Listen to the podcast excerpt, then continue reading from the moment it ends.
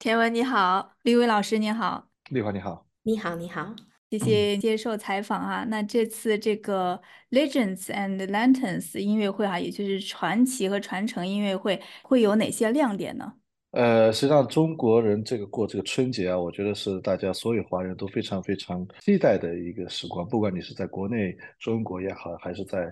呃这个澳洲、美国、新加坡，所以对很多华人来说，大家都是非常期待在这场音乐会上看到别具一格、非常呃优秀的一些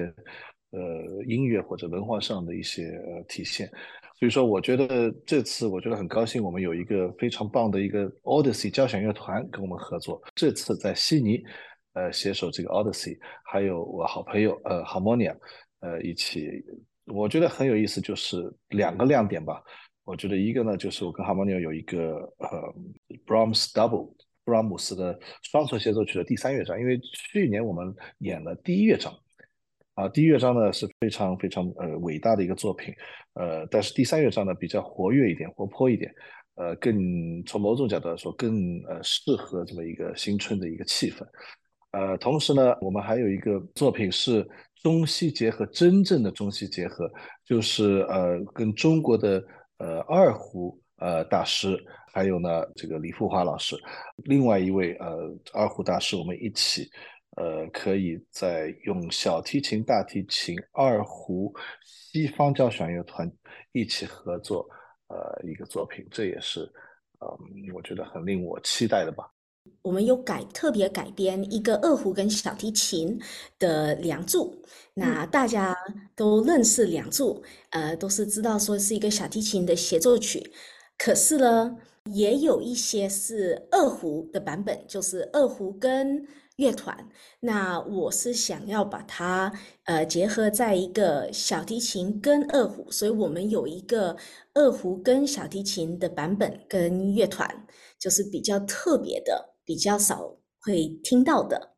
啊，我们其实有写去年的表演，唯一一样的是嗯春节戏曲，还有嗯战马奔腾，因为去年我们的战马奔腾呢这首曲子嗯。写的是给二胡，是单独二胡的。可是我们写了一个，呃，小提琴、大提琴，还有两个二胡的独奏，再包括乐团这个弦乐，还有打击乐，所以这个是比较特别的啊。我们去年写出来了，然后很多人很喜欢，所以我们今年又拉了一遍。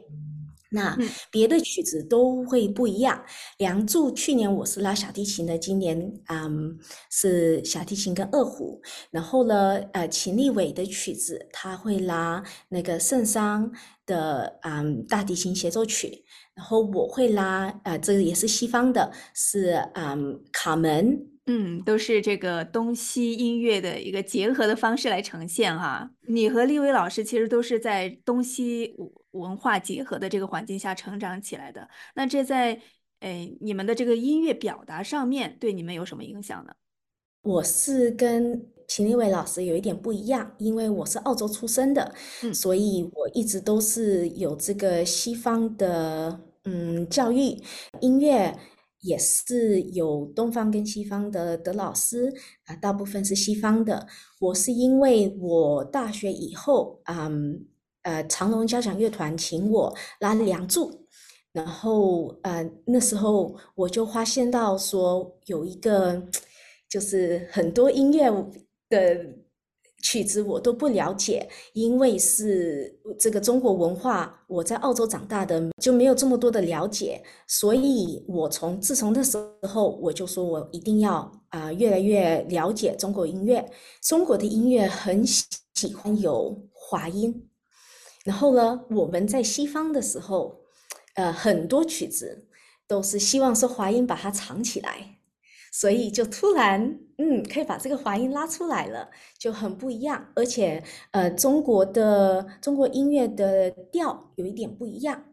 所以听听起来也是有一点不一样。所以这次我跟二胡能这样子合作，其实是就是有一点难度。我觉得音乐本来就是个世界性的语言吧，所以说，呃，更多的了解不同的文化，只是会丰富我对音乐的一种。呃，理解，呃，呃，最终大家经常说艺术到了一个定的高度，不光是音乐吧，呃，我觉得比如说是是像雕塑也好，绘画也好，呃，到最高境界我们都是相通的，呃，语言的尽头经常是就是艺术，所以说呢，呃，我能有幸接受到中西文化的，因为我十三岁就就来到了澳洲，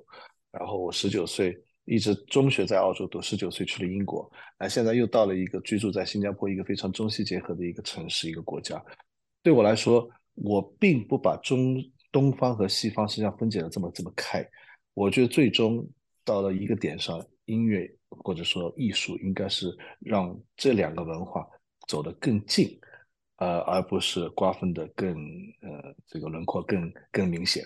跟这个田文合作哈，这个好像是不是第一次合作了，是不是？好莫尼亚，我对我跟他合作合作还合作过蛮多次。我实际上第一次认识他是在在 Adelaide，在 Adelaide 呢是那个呃跟当时的阿德雷德交响乐团的新年音乐会春新春音乐会，我们在那里认识。虽然当时没有合作，但是呢呃已经在那次呃见识到他的情谊了。然后去年我们就一起合作了。呃，这个这个布拉姆斯的这个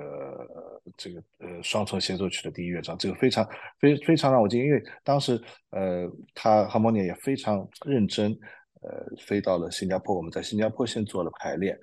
然后呢我们再到了悉尼排练，所以这个整整一个准备工作能体现出他对这个音乐的这个执着和热情。李伟老师他是一个很配合的一个音乐家，所以跟他合作是非常的愉快，很顺利。嗯，那你觉得传奇和传承新年音乐会的举办有什么样的意义呢？欧洲人他们的呃新年三呃十二月三十一号，他们都有办他们的新年音乐会，然后就是很嗯有这种 celebration 的这个感觉。所以我希望呢，是我们现在可以在国外可以有这个中西合璧的一个音乐会，是庆祝我们的一是文化，二是庆祝呃新年，然后这样子中国人在澳洲也可以有这种家里的感觉。哦，这个意义呃重大吧？我觉得，因为我自己刚八十年代末刚到澳洲的时候，呃，当时有一些华人，但是呢，确实这个数量和现在。呃，这个是天壤之别。呃，现在我我周边我自己孩子回到呃澳洲，呃，这是一个非常多元化的一个一个城市一个国家。呃，悉尼更加是体现出这个多元化的一个精华。所以说，在这里能举办两场，呃，这个华人的新年音乐会，我也是我觉得是很能体现出这个城市的多元化，这个城市的包容性。呃，这是也是让让我作为一个澳洲人得的感觉到非常的骄傲。那么，您希望观众能从音乐会当中收获些什么呢？我觉得让他们能第一，在一个新春佳节能感受到这个愉快欢快啊。呃，第第二呢，呃，让他们感感受到这个这个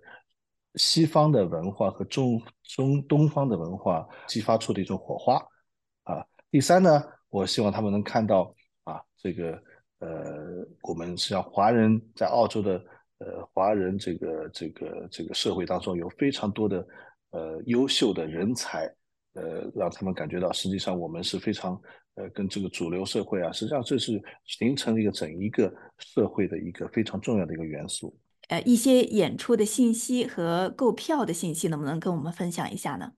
购票可以在 a b a o n dot org dot a u 那边可以买得到。有链接到那个买票的地方。演出是呃二月十一号星期日的三点钟在 Chatswood，然后呃二月十四号七点钟在 Town Hall。好的，谢谢谢谢，也祝即将到来的演出能够圆满的成功。谢谢，谢谢李华。嗯，谢谢你。